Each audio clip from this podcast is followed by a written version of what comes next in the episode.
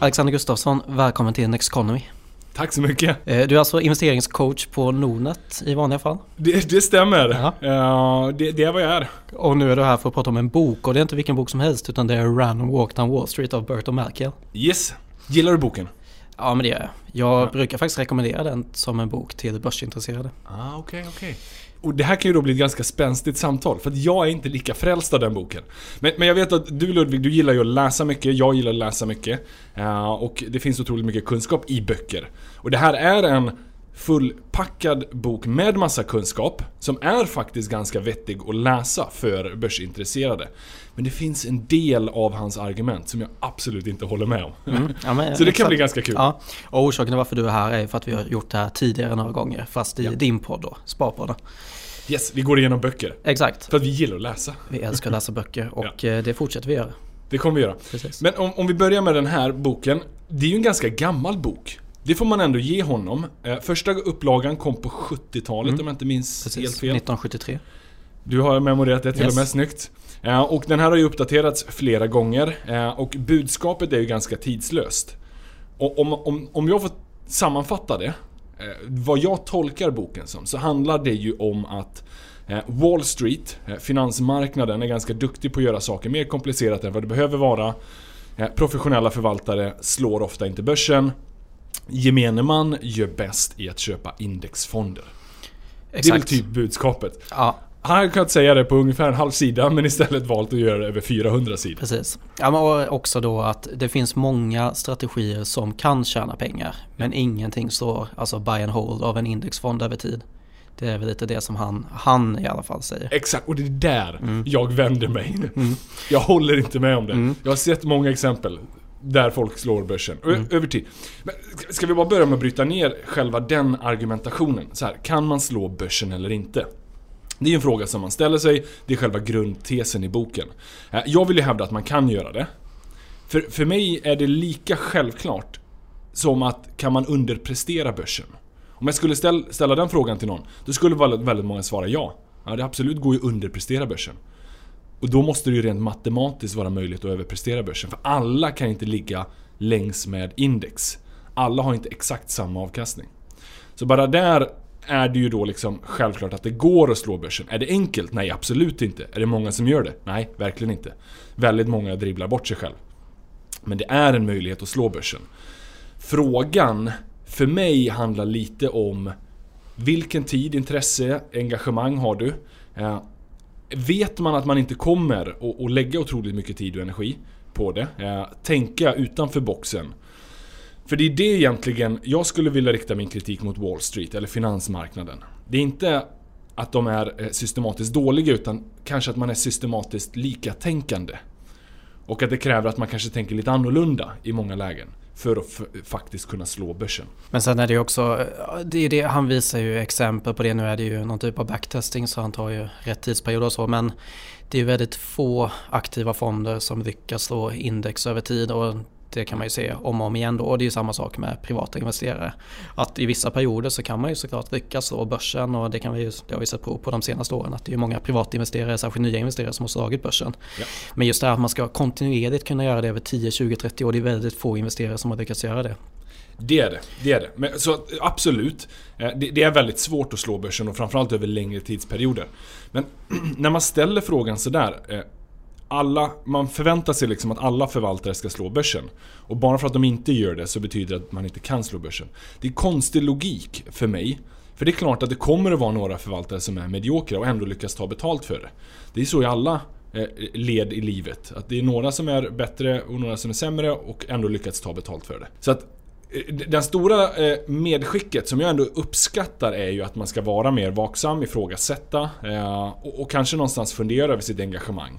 Vet man att jag vill vara långsiktig men inte lägga tid och energi, då är indexfonder fantastiska. Men man gör sig själv, eh, själv en björntjänst genom att tro att det är inte möjligt att slå börsen.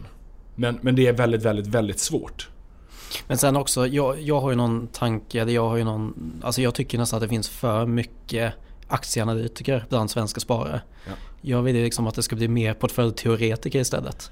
Så jag tycker istället då för nej. att... Mm, ja, det, och det är det som är grejen. Alltså istället för att man ska så här, lägga tid på att läsa den senaste kvartalsrapporten så fokuserar jag istället på ja, men hur har olika eh, korrelationer mellan olika aktieregioner utvecklats över tid och där studier om det. Det låter tråkigt.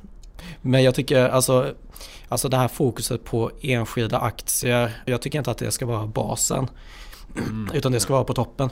Okay. Så jag menar att ha någon typ av portfölj teoretiskt som grund. Sen behöver man inte hålla med om alla delar. Men just det här att ja, olika tillgångsslag, olika typer av aktier har olika korrelationer som man sätter samman dem i en portfölj. Så kan man få ner risken och förhoppningsvis få fortfarande en bra avkastning över tid. Har man det som någon typ av grundtänk och liksom följer den här, det finns mycket diskussioner om, ja men ska man ha obligationer i en portfölj med de här låga räntorna? Det är en intressant diskussion. Eh, ja, liksom värde kontra tillväxt, eh, när kommer det där att vända? Alltså det finns ju mycket att lägga tid på ändå som man kan, som man kan intressera sig för. Det, det, kan man ju och där är ju det första. Än en gång, ska man slå börsen? Här, or, orkar man hålla på och läsa på om korrelationer mellan guld och aktier och obligationer? Det, så här, det, det kommer ju ta ganska mycket tid. Ja. Eh, som man då kanske bara hade kunnat stoppa in i indexfond ändå. Men, men så här, jag gillar idén med det här portföljkonstruerandet men även det är jag ju lite allergisk mot, måste jag ärligt säga. För att visst, man kan hitta korrelationer men allting tenderar att korrelera perfekt när shit hits the fan. Vi såg det på coronakraschen. Det var liksom en vecka där, där allting bara föll. Sen är det klart att en vecka inte eh, representativt utan man, poängen är att du ska spara över en längre tid. Och sen också följer vissa tillgångar mer än andra. Alltså jag ja. menar, sitter du ändå, eh, om du säkrar upp kapitalet med, eh, med säkra obligationer så har du fortfarande ett stöd i en sån nedgång. Som ja. kanske ändå kan göra att du inte säljer. För jag brukar referera tillbaka till Sparbarometern för första kvartalet 2020. Eh, det var rekordförsäljningar i aktiefonder och ja. enskilda aktier. Och just det här att det visar ju ändå någonstans på att folk har tagit en risk som de inte kan hantera. Och då tänker jag på den breda massan också. Ja. Jag menar, det finns ju såklart många som är intresserade och som eh, klarat sig väldigt bra genom coronakrisen också. Men, eh, men jag tror alltså egentligen så har vi nog inte, alltså vi har ju lite delade uppfattningar om det här, vad som är eh, bäst kanske för den breda massan eller liksom vad man ska intressera sig för. Men, eh, men jag tror att i grunden har vi nog ungefär samma syn skulle jag ändå säga. Alltså, alltså för den breda massan, den, de ska ju ha indexfonder och kanske ha någonting annat kompletterande mm. också. Men, men, mitt problem är, det jag, det jag stör mig lite på är att här, den breda massan, den läser inte den här boken. Nej. Den breda massan sitter inte och lyssnar på den här podden. Eller aktiepoddar för den delen överhuvudtaget. Ja, så bara att faktumet man har läst, liksom, tar sig tiden att läsa Random Walk down Wall Street eller lyssna på en aktiepodd. Då har man ju redan liksom ansträngt sig mer än gemene man och jag skulle säga att man är på vägen, man är på rätt väg med att ha en möjlighet att faktiskt kunna mm. överprestera. Men Sen är inte det en självklarhet. Mm. Mer tid är inte alltid bättre. Men, men tänk om vi, om vi delar upp de här som lyssnar på ekonomipoddar ja. i Sverige och säger att det är typ 50 000 kanske. Ja, kanske mer till och med. Kanske mer, 50-100 000. Ja. Eh, och jag menar om man då ändå tar, man kan nog ändå tänka sig att uh, det finns nog en ganska stor andel av dem som hade mått bättre av att ha en, en bottenplatta som är mer säker och så att man, man utgår ifrån en indexportfölj istället för att man går på enskilda aktier. Tänker jag mig i alla fall. Jo men det, för de flesta så är det ju det. Eh, vet man att det blir jobbigt när det svänger, att jag kommer att sälja. Det är, så här, det är perfekt läge nu. Om du nu vet att du sålde i coronakraschen, du fick panik där och då. Ja men bra, då har du en temperaturkänsla för din riskaptit. Eh, se till att ta mindre risk framöver, för det kommer komma fler sådana krascher. Men om du nu inte sålde, om du hade temperamentet och liksom stabiliteten nog att faktiskt inte börja dribbla där när det var som värst. Wow, då har du liksom eh, några av ingredienserna för att faktiskt kunna vara mer aktiv och ha en möjlighet att faktiskt slå börsen. Men, och sen en sak där också, det, det bygger ju någonstans också på hur mycket det här är typ något, det är nästan en typ av introduktion där fortfarande. För, jag har inte kommit till kärnan av boken men, men jag, jag tänker, alltså, det beror ju också på hur mycket pengar man har. Ja. Säg att du har 100 eh, 000, ja men då kanske inte alltså volatiliteten på vägen fram till målet har så stor betydelse. Men sitter du istället på 100 miljoner och du har hela din liksom, familjs eh, pengar att tänka på. Då blir det en skillnad då, då kanske du inte vill ha den här volatiliteten Alltså du kanske kan ta bort lite avkastning för att minska den här stressen i de här riktigt stressade perioderna tänker jag. Ja, ja, ja. Det, det, är klart att med en större påse pengar så kanske man vill vara mer värdebevarare än eh, liksom, tillväxt. Mm. Så att den får man ju bara känna efter. Vart, liksom, vad har jag för förutsättningar personligen? Eh, men, men det här med att det liksom marknaden är effektiv, effektiva marknadshypotesen. Den är ju lite vad han anspelar på eh, liksom funkar. Och så här, boken har kommit ut perfekt efter när de där teorierna började populariseras. Han har varit med och bidragit till att popularisera dem. Och jag måste ju personligen bara säga ett stort tack för det. Eh, för det är tack vare att folk tror på den effektiva marknadshypotesen som gör att man kan överprestera börsen. Ja, sen är det ett jobbigt budskap då om man nu är den som tror och är helt övertygad om det. Mm. Ja, men det skapar avkastningsmöjligheter Precis. för den som tänker eh, liksom två, tre steg längre ja, fram. Och det här är någonting som Buffett har pratat om också. Ja. Bara det finns inget som är bättre än att uh, slåss eller så här, konkurrera med människor som antar att man inte kan vara bättre än snittet. Ja, något. Ja. Uh, och, uh, men det han menar med att marknaden är effektiv, eller det som menas med effektiva marknadsteorin är i princip att all inf tillgänglig information snabbt kommer prisas in i aktiekurserna. Och därför är det svårt då att vara smartare i marknaden. Ja. Och det ligger väl någonting i det. Alltså jag, jag, kan tycka som en grund så kan det ändå vara bra att anta att man inte är smartare än marknaden. Alltså så att eh, ofta så har marknaden ändå satt priserna. Men, och någonting som man också säger, just eh, Burton, mm. eh, är ju att eh, det handlar inte om att marknaden har rätt nödvändigtvis. Eh, alltså ofta så har den fel, alltså ofta så är värderingarna för höga eller för låga. Ja. Men det är svårt att veta om de faktiskt är för låga eller för höga. Så det är fortfarande svårt att, att eh, göra någonting med det där. Så att det är fortfarande svårt, svårt att slå marknaden. Ja, men, det som jag håller ju med i delar av den att information prisas in väldigt snabbt. Det stämmer. Eh, och det stämmer mer än någonsin. Bara ta hela GameStop-fenomenet en del börjar sprida information, den informationen prisas in genom att folk köper. Är det rationellt? Nej. Men att det prisas in snabbt? Ja, det händer. Och att den är över eller undervärderad hela tiden, det håller jag också med om. Där man då kan liksom, eh, få någon form av överavkastning, det är om man har ett längre tidsperspektiv än marknaden. Man brukar säga att börsen är ungefär 6 12 månader framåt i tiden. Det är ungefär så långt den tänker, ungefär så långt analytikernas estimat sträcker sig. Ungefär så långt är medvetandet, det, det liksom kollektiva medvetandet. Bara där, se till att du har eh, 24 till 36 månader i tidshorisont. Så har du en möjlighet att överprestera eller i alla fall prestera på annat sätt än vad börsen eh, själv liksom fundera på vilken information den tar till sig. Mm. Jag bara tänker att vi kan komma in på namnet ja. på boken där. För det, det, är ändå passande, alltså just A Random Walk. Och han skriver någonstans att man, marknaden är som en onykter man som snubblar runt i mörkret. Så nästa steg kan inte förutspås genom att kolla på hans tidigare steg. Och då menar jag också att eh, den här onyktra mannen, han är inte rationell precis som marknaden. Men han är inte förutsägbar heller, precis som marknaden. Ja. Så det är lite det som han, ja, det, och som sagt, han tar ju den här grunden i den effektiva marknadsteorin. Jag håller ju inte heller med om det för jag tror ju ändå någonstans på aktiv förvaltning. Ja. Men som sagt, alltså, att ha det som någon typ baktanke i att ja, men jag kanske inte är smartare än marknaden och ha det som en utgångspunkt och sen så får man... Ja men det skulle jag säga att här, man kommer alltid, jag tror att det var Charlie Munger som sa det bäst liksom att eh, en individ som har ett IQ på 120 men tror att hen har ett IQ på 140 är ju livsfarlig. Mm. Medan en människa som har ett Eh, IQ på 100 eh, men tror har sitt IQ på 80 är mycket mer liksom sane. Så att det är klart att så här, utgå ifrån att du inte är bättre än alla andra. Så har du i alla fall en bra grundinställning.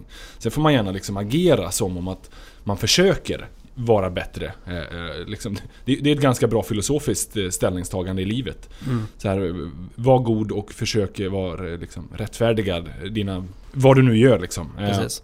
Det här bygger ju någonstans på overconfidence bias också. Ja. Och det här är ju då en, ja, men en bias, det är någonting som finns i oss. Det är ingenting som vi egentligen kan påverka så mycket utan det är något som finns evolutionärt i oss. Och jag, jag hade ett bra exempel på det här då att ja, men om man kollar tillbaka då på när vi var jägare och samlare på savannen. Och så hade man en grupp då som kanske så en mammut eller någonting på savannen och så att äh, men, eh, vi, vi struntar i det, det kan vara farligt så vi stannar kvar i grottan. Och så har man en annan grupp då som säger samma sak då att vi ser mammut men ja, vi, vi går för det, vi, det kan liksom säkra upp mat för oss. Och den där andra gruppen den förlorar några män för, eh, men, men de de får ändå mat för framtiden. Så man, typ, mm. man offrar några män. Men man tar ändå så här genpoolen vidare på något sätt. Och det är väl lite det kanske att det är så som vi har den här overconfidence bias var då slutsatsen från det där. För att vi ska kunna säkra vår egen överlevnad har vi varit tvungna att ta risker. Ja. Och vi har tvungna att, att, ha den här övertron på att ja, men det här kommer lyckas även fast det inte känns eh, känns som det när man ser det kanske. Jo, jo men det, alltså så här, det är det som är hela grejen. Att vi är, eh, vi är människor. Vi har Mm. våra bias, våra heuristics. Eh.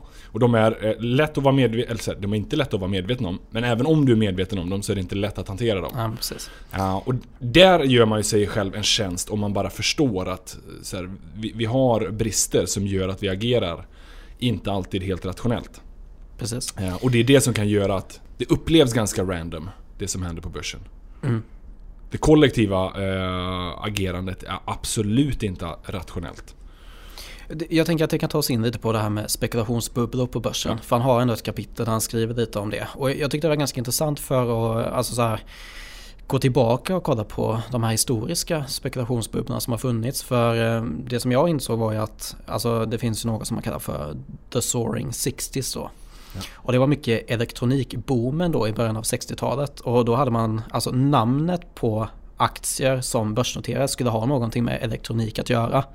Och det där känns ju igen då eh, med IT-bubblan då. Ja. Eh, Eller och, idag med blockkedja. Exakt, Snart kanske ESG nästa. exakt. Ja, men hela den delen tyckte jag var fantastisk. Mm. Och det här är ju första delen i boken. Ja, som du gillar igenom någon del av boken. Ja men, ja, men den, den delen där är det ju, Ja. den är ju intressant för alla att få historien. Exakt, Sen ty, tyvärr då tycker jag att han dribblar bort sig när han börjar prata skit om fundamental analys. den kommer direkt efteråt. ja, där, där börjar jag bli arg. Ja. Men, men, ja, men, men sen så har vi det här återigen då, så vi hade där, då kallas det för Tronics boom då på 60-talet. Mm. Och sen så kommer då biotech-boomen också. För det var också ny teknik. Och då var det, jag tror det var i princip samma sak då, man skulle ha, man skulle ha, ja, men typ namnet skulle ha någonting med biotech att göra. Och sen så hade de något som de kallade för Product Asset Valuation Method då på 80-talet just med biotech. Man skulle alltså estimera värdet av alla produkter som fanns i pipeline. Så man kollade inte på försäljning eller man kollade inte på liksom vinst utan ja, men vad skulle de här produkterna som potentiellt skulle kunna bli produkter potentiellt kunna vara värda på marknaden. Det har ju funnits den här euforin många gånger tidigare att man, man släpper alla de här klassiska nyckeltalen och så eh, tänker man att det är nya tider. Ja, och det det kokar ner till är ju att när det kommer till investeringar, man får aldrig, aldrig, aldrig glömma att pris är en faktor. Du kan inte liksom ignorera vad du betalar för någonting. För det är ifrån vad du köpte det till när du säljer det som är din avkastning.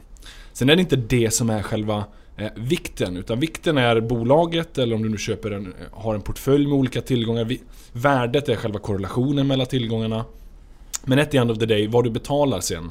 Eh, det är en sån otroligt viktig faktor. Och ofta är det den gemene faktorn i bubblor historiskt. Att där prisbilden då har börjat eh, liksom tappa kopplingen.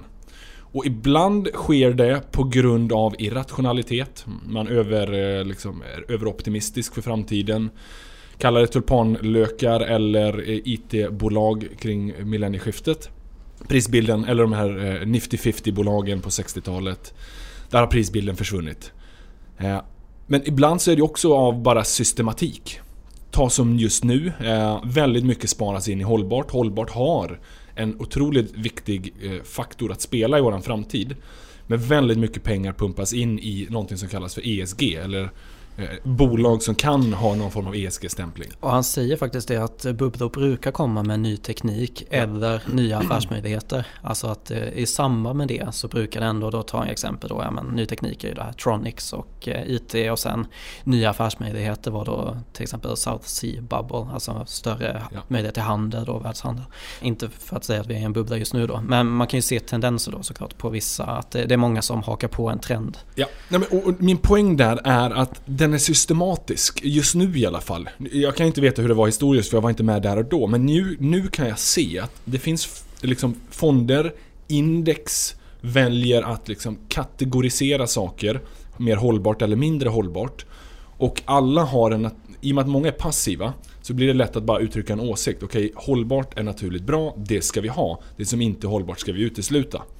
Eh, och, och då blir det liksom en skev konstruktion och, och det gör att liksom, det nästan systematiskt skapar en bubbeltendens. För att det blir liksom inte på grund av värdet som man köper eller säljer utan bara för att vi har sagt att det här är bättre eller det här är sämre.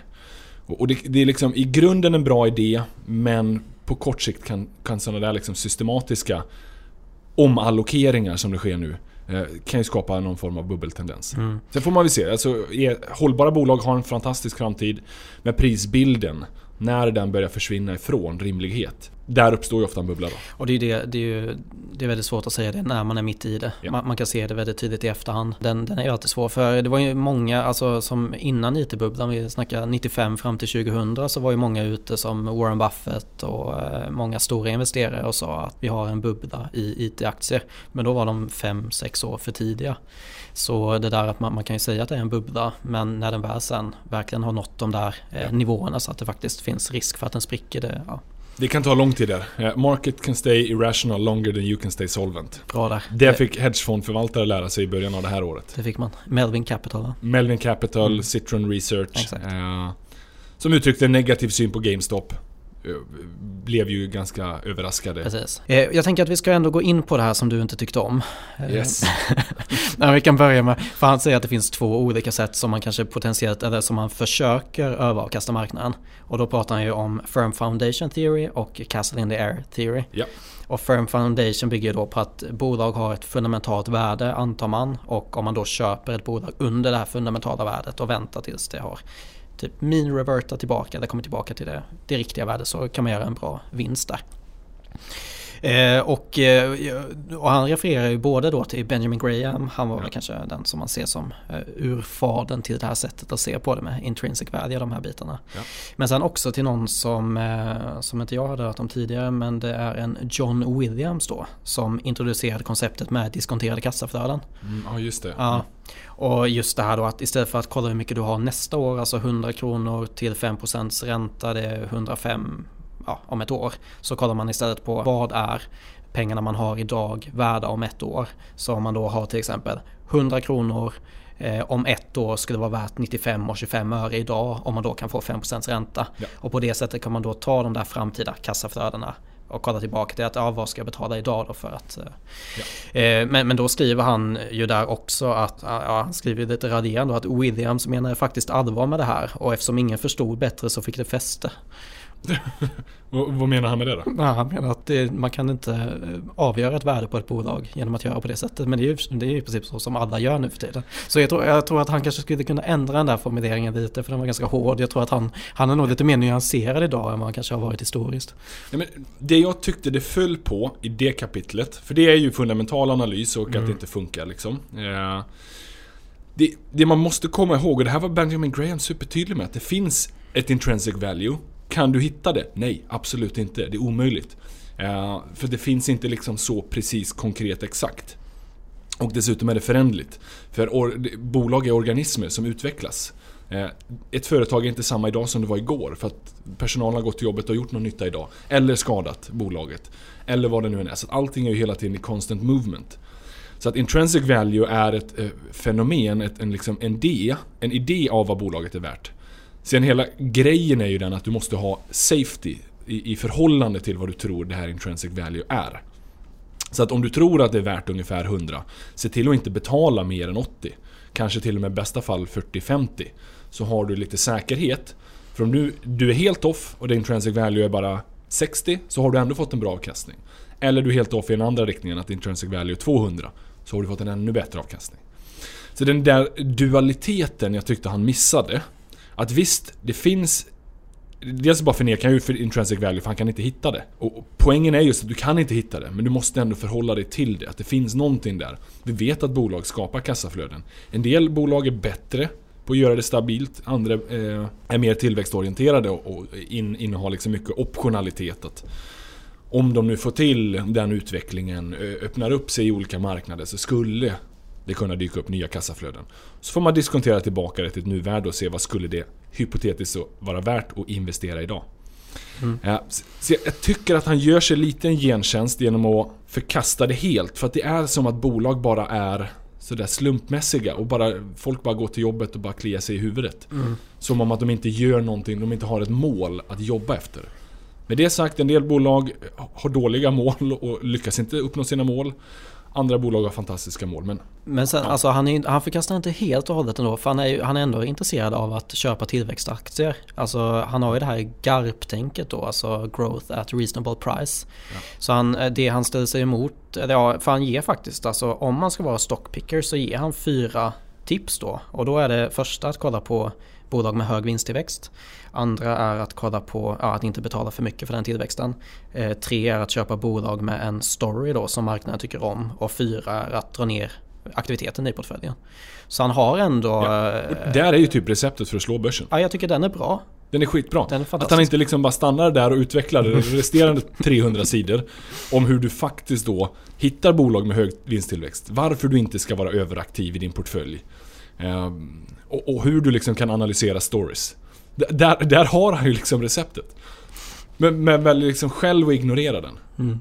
Men sen också, jag menar, och då är det nog återigen tillbaka till eh, den breda massan och till de som verkligen har intresset. Ja, ja. För jag tror att de här andra 300 sidorna kan nog fortfarande, man kan nog utgå ifrån dem för, för de flesta ändå. Ehm, och jag menar det också, det här är ju ändå på något sätt, det är så de flesta banker jobbar också. Alltså att man bygger, ja. man bygger ju ofta sin rådgivning på det här. Den här typen av tänk då, att man har en portfölj med olika tillgångslag så att man kan dra ner risken på ett sätt som passar den kunden man har framför sig. Och, och då är det ju oftast till de som inte är så intresserade själva kanske. Då är det ju fortfarande ett rimligt sätt att bygga en portfölj för att då kunna, kunna bygga den på ett sätt som passar kunden. Så jag, jag, tycker ändå att det är en bra utgångspunkt och fortfarande så tycker jag också att det finns mycket intressant som man kan göra där även för mera initierade investerare. Ja men det är det. Och det är än en gång tillbaka till vad har jag personligen eh, liksom för intresseområden. Mm. Om man nu tycker att aktier och läsa kvartalsrapporter är kul Liksom, gör det och så här, använd det receptet då för att försöka slå börsen. Tycker man inte att det där är kul, man tycker att det är svårt, omständigt och så här, annat i livet som är mer intressant. Fokusera mer på mm. portföljallokering. Men, och, ha indexfonder. Sen tycker jag i och för sig att det är, finns något väldigt kul med investeringsteori, investeringsfilosofi och investeringspsykologi. Jag tycker att fler borde liksom se ljuset där. Absolut, absolut. Ja, så här, man får upp det där intresset också. Men, men visst, alltså jag kan förstå tjusningen i också att för eh, alltså att studera bolagsrapporter och så här att det är ju faktiskt, du kan ju se de här företagen också. Du kan se hur de skapar vinster. Det är intressant att se hur de jobbar och det kan vara intressant med just att gå in på redovisning och kolla på nyckeltal och sådär. Ehm, men jag, jag, jag, har någon så här, men det är ju också en bias hos mig att jag tycker de här bitarna är intressanta så jag, jag vill gärna liksom att fler ska känna det ja. intresset också. Och det jättebra. Du, och du har skrivit en jättebra bok där du sammanfattar mycket sånt här. Den får man mer än gärna läsa. Ja, då fick vi in det också. Ja. uh, nej, men, jag håller med, de är ju jätteintressanta. Men det är ju för människor som ofta då är mer intresserade, ja. vill, är villiga att lä lägga lite mer tid. Det står ju själv på hans bok att det är över en och en halv miljon människor som har läst den där, eller åtminstone köpt boken. Men om du nu vill göra ett budskap till så många som möjligt, så enkelt som möjligt. Gör det inte på 400 sidor, gör det på 70 sidor. Mm. Uh, och gör det med lite bilder och lite liksom så här, trevlig story. Mm. Det blir så konstigt för mig att någon orkar läsa 400 sidor i, i en aktiebok när du har... Nu, liksom, så här, jag tar en siffra ut ur luften. Det finns 100 miljoner böcker. Och det är förmodligen jag lowball it, För det finns väldigt, väldigt många böcker på den här planeten. Att man då så här, skulle läsa just den här boken och sen gå vidare med livet och bara tänka ja, indexfonder. Ah, han har faktiskt skrivit en annan bok också tillsammans med Charles Ellis som har skrivit den här Winning the Losers Game. Eh, det är den här grejen att en amatörspelare den förlorar oftast poäng i tennis medan en proffsspelare den vinner poäng genom att göra schyssta slag och sådär. Och det, det, är då Charlie Ellis. Men de har gjort en bok som heter The Elements of Investing som är typ eh, säg 180 sidor kanske. Så där, där han har faktiskt en, okay. en, en, annan bok också. Men, eh, Med ja. samma budskap, köp indexfonder? Typ. Varför gör den på 100 sidor? Gör en, en pdf-sida. Men jag vet, mm. det skulle inte sälja, det är ingen bra story. Sen, man, man får också, sen så finns det ju mycket av de här delarna med, det är ju i den här boken också. Dels har med den här mera tillbakablicken då på olika spekulationsbubblor över tid som är en bra intressant historia så. Sen så har han ju Behavioral Finance-delen finns ju också så han beskriver den. Sen har vi de här portföljteoribitarna eh, också som han beskriver och sen har han ju även på slutet så har han pratat om hur, eh, eh hur olika tillgångslag har rört sig eller vilken avkastning de har skapat under olika tidsperioder som jag tyckte var ganska intressant. Han skrev till exempel om eh, den här perioden på var det, typ 69 till, till eh, 85 eller sånt där. Där eh, med hög inflation.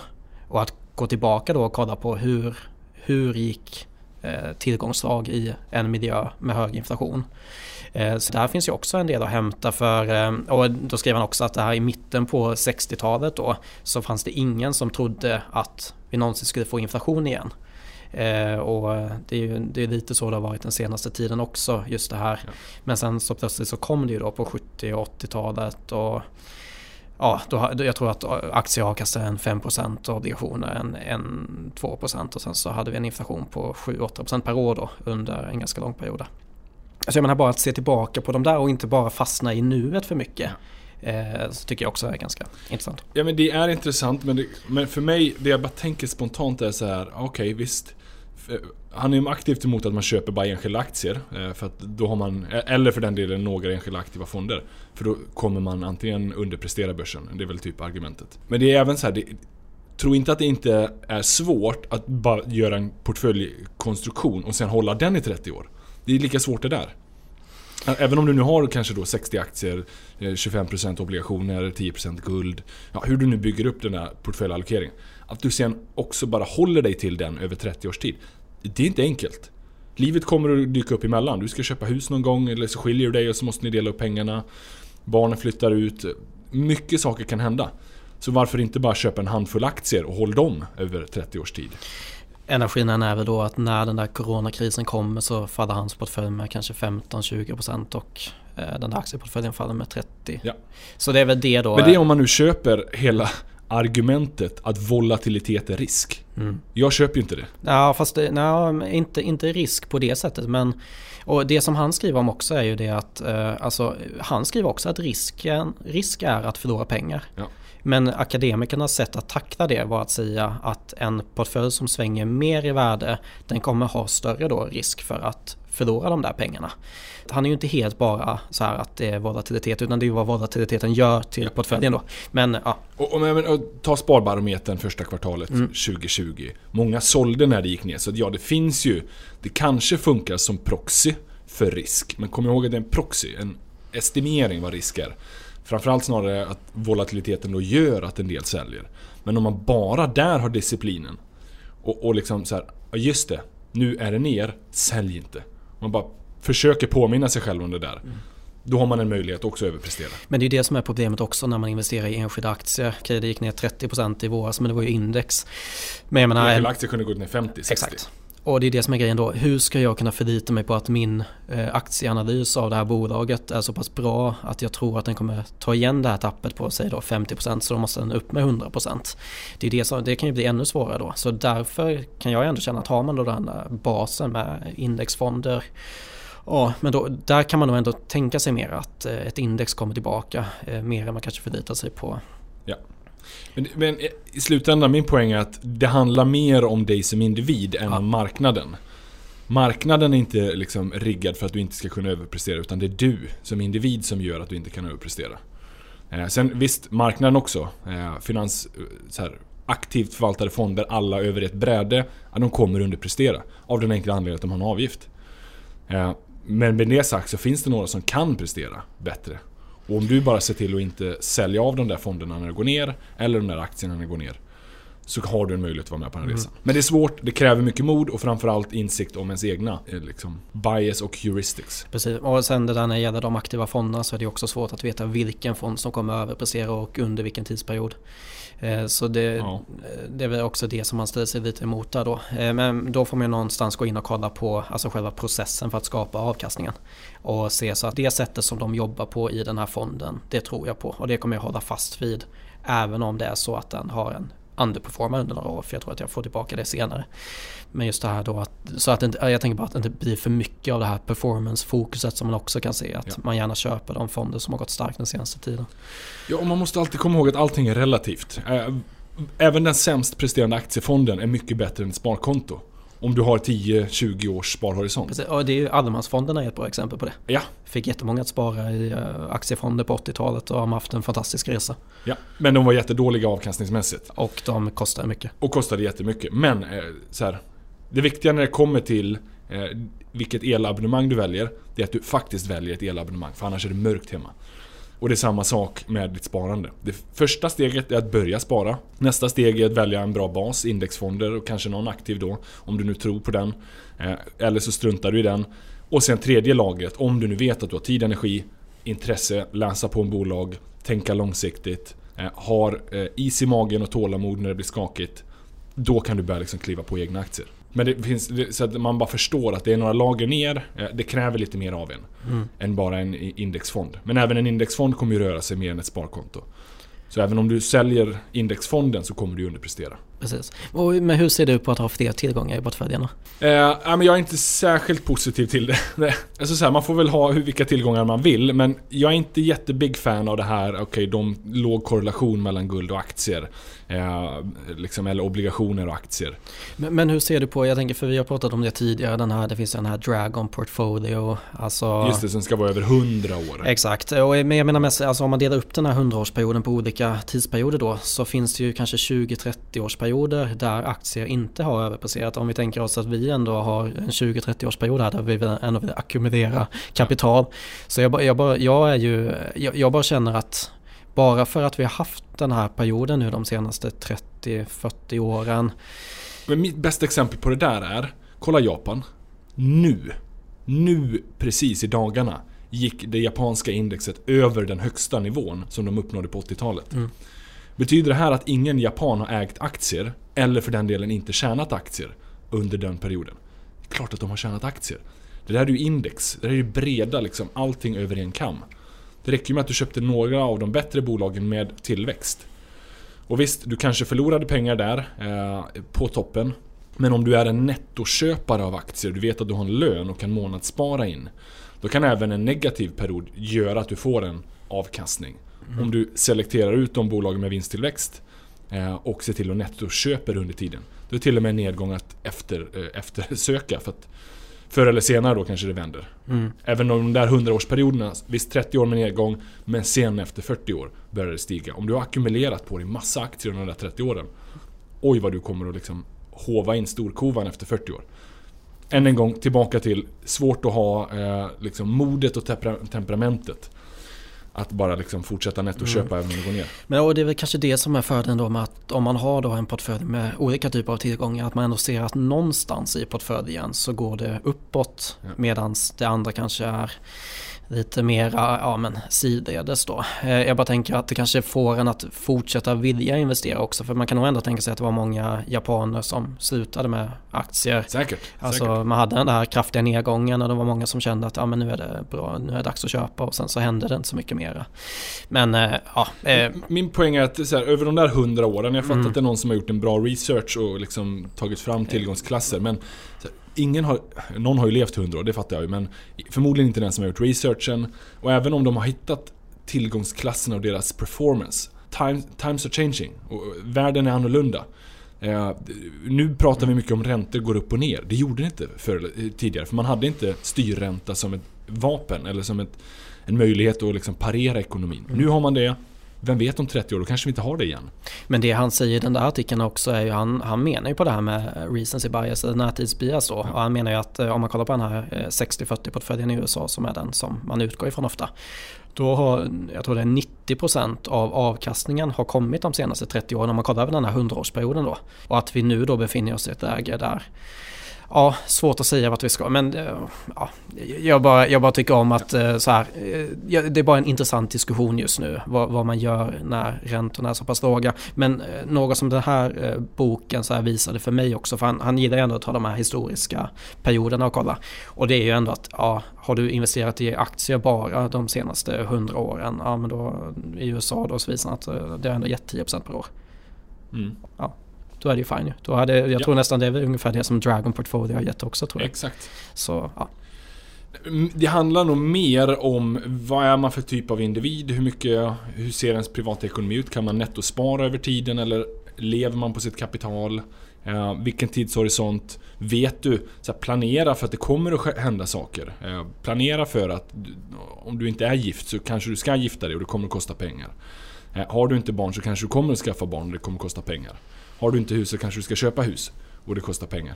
Så, att, så här, det är lätt att försöka bygga ett hundraårigt perspektiv. Men det är så mycket som kommer hända däremellan. Mm. Det är samma sak med ett tioårigt perspektiv. Ha det som utgångstanke men tro aldrig att du kan hitta någonting som är perfekt. Utan snarare liksom, survival of the fittest, var anpassningsbar. Precis. För saker kommer att hända, omvärlden kommer förändras. Ja, jag tänker vi har snackat på ett tag här nu och eh, jag vet inte Vart om vi är vi någonstans i Ja boken? exakt, jag vet inte om vi har pratat om boken riktigt men jo då, vi, Jo. vi, ja, Ja. Vi, vi berör ämnena i boken. Eh, men det som jag tänker att vi måste avsluta här med ändå, det är ju, han har ju fem stycken asset allocation principles. Jag tycker ändå att det är på något sätt grunden för den här boken så vi måste ändå nämna dem. Eh, och då har han ju, första är då att risk och avkastning hänger samman och att det, ja, men det är risk-reward-tänket då. Att för att du ska få en avkastning så måste du ändå ta en viss typ av risk och sen så får man väl då fundera över vilken risk det är man ska ta då. Ja. Eh, Så det är den första och sen den andra är tidshorisonten. Och där är vi överens om att den är viktig. Var det så att du hade pengar på börsen i januari förra året som du var tvungna att använda för att betala räkningarna. Ja men då, var det inte, då, var det, då hade du ju inte en portfölj som var lämpad för en coronakris. Så jag menar att ha det här tidsperspektivet och inte investera pengar eh, som du ska använda i privatekonomin på börsen är ju viktigt. Ja.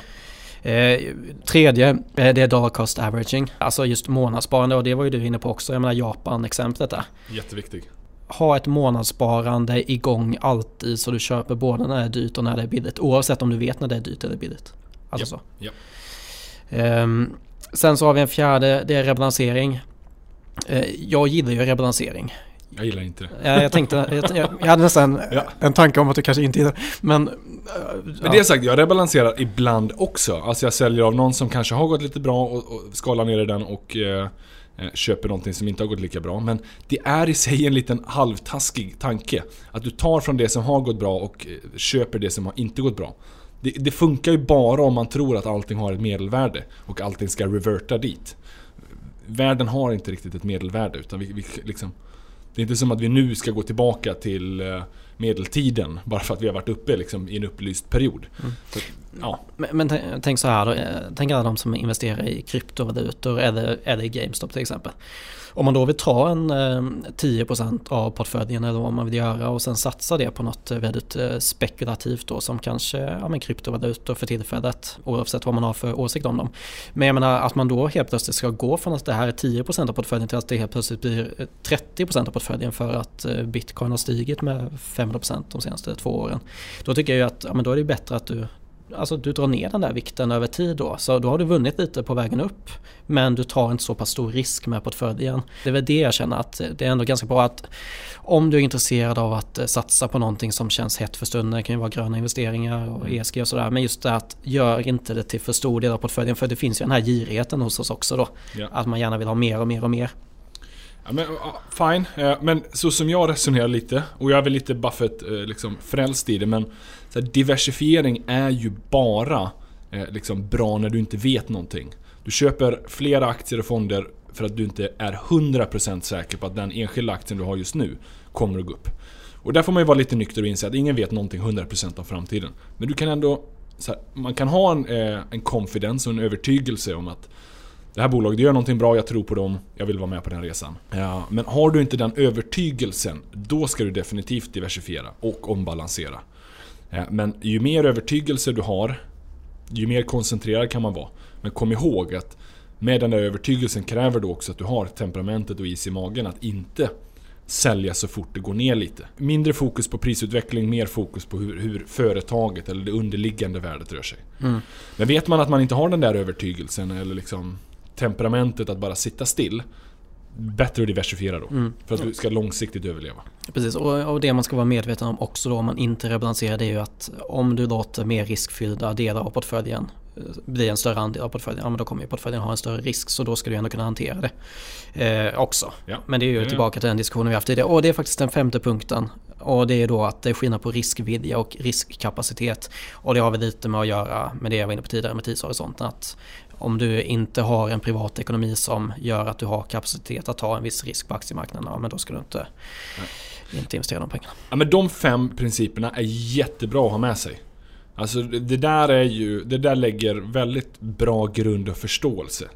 Sen finns det liksom mer utöver det, lite som vi varit inne på. Mm. Eh, risk och avkastning korrelerar men det är inte en perfekt korrelation. Du får absolut inte högre avkastning för att du tar mer risk. Ehm, och i vissa fall kan du få en ganska god avkastning utan att det behövde vara riskigt. Eh, och risk är inte bara att det svänger i portföljen. Utan risken är ju om det här nu då skapar en permanent kapitalförlust. Och det kan ju vara till följd av att det svänger för att du själv säljer. Mm, exakt. Men då är det ditt fel och inte bolagets fel. Mm. Eller, ja, men, ja, men det, det, det, det, finns något i det där. Och det är väl egentligen det som är slutpoängen kring det här med risksnacket. Eller, jag tror, vi har väl haft den här diskussionen ganska många gånger. Med alltså just så här volatilitet som risk. Men alltså min poäng med det är ju att Alltså just med tanke på Behavioral Finance och alla kognitiva biaser vi har. Så just det här kan du minska svängningarna så kommer det, det kommer ge minskade känslor kring portföljen som då ger mindre dåliga beslut. Ja. Eh, det var slutklämmen kring det där men det, vi, vi, kan ändå komma överens om att de här fem punkterna det är ändå en bra utgångspunkt. Det är en jättebra utgångspunkt att ha med sig.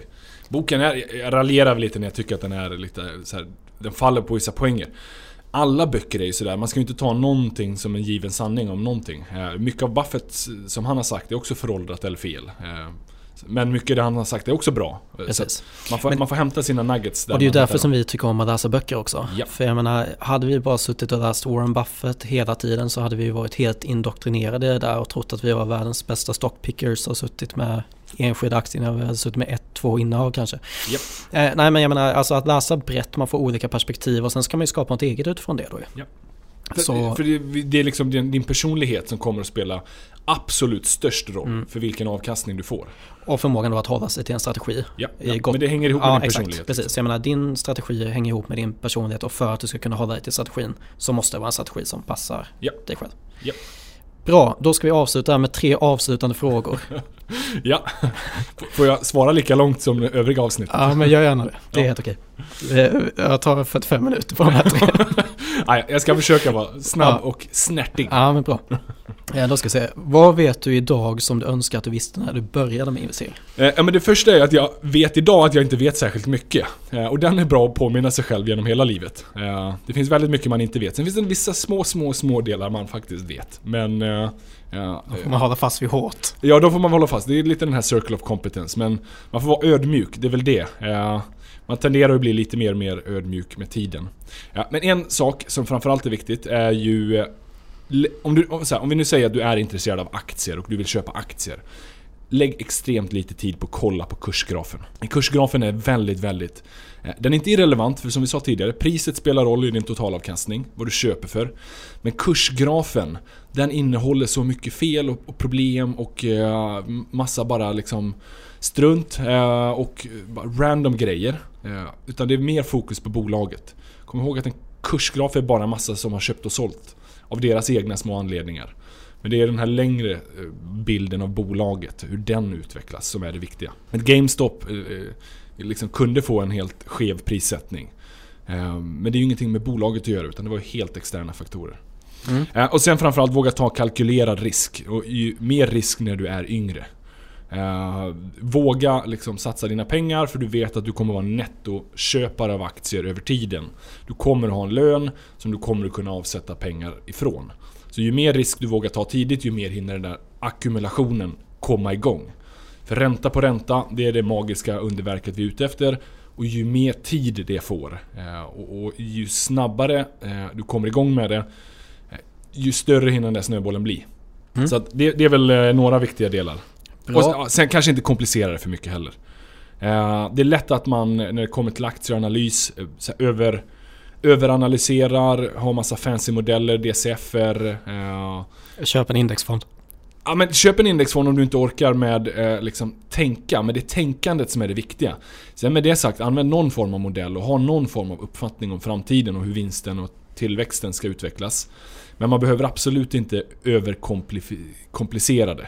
Eh, det håller jag med eh, boken om att finansmarknaden är ganska duktig på att göra saker mer komplext än vad det behöver vara. Eh, utan du behöver förstå liksom vad caset i, i de aktier du köper. Mm. Då har vi nummer två här då. Vilket investeringsrelaterat tema funderar du extra mycket på just nu? Oh, eh, investeringsrelaterat tema. Alltså det är naturligt att jag tänker på de som är väldigt eh, där det får mycket uppmärksamhet. Både för att jag kanske själv eh, tycker att det är intressant eller för att jag kanske då funderar på om man bör vara avskräckt. Så det är dels då ESG-temat. Eh, där finns det mycket att hämta men det finns också mycket att vara försiktig över. Eh, digitala affärsmodeller. Om jag bara får gissa.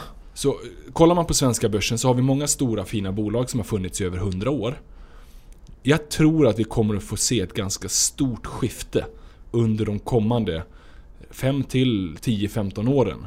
Nu är det ett Atlas Copco, ABB och Sandvik. De är storbolag och vi känner igen dem. Och de har varit storbolag ganska länge. Eh, men de här digitala skalbara affärsmodellerna, där kanske ett Evolution Gaming, eh, ett Embracer är lite proxy för det. Jag har ingen aning om huruvida de bolagen kommer finnas kvar men det här med att du inte kommer behöva binda lika mycket kapital. Eh, du har en otroligt hög bruttomarginal, din produkt är digital, produkttjänst.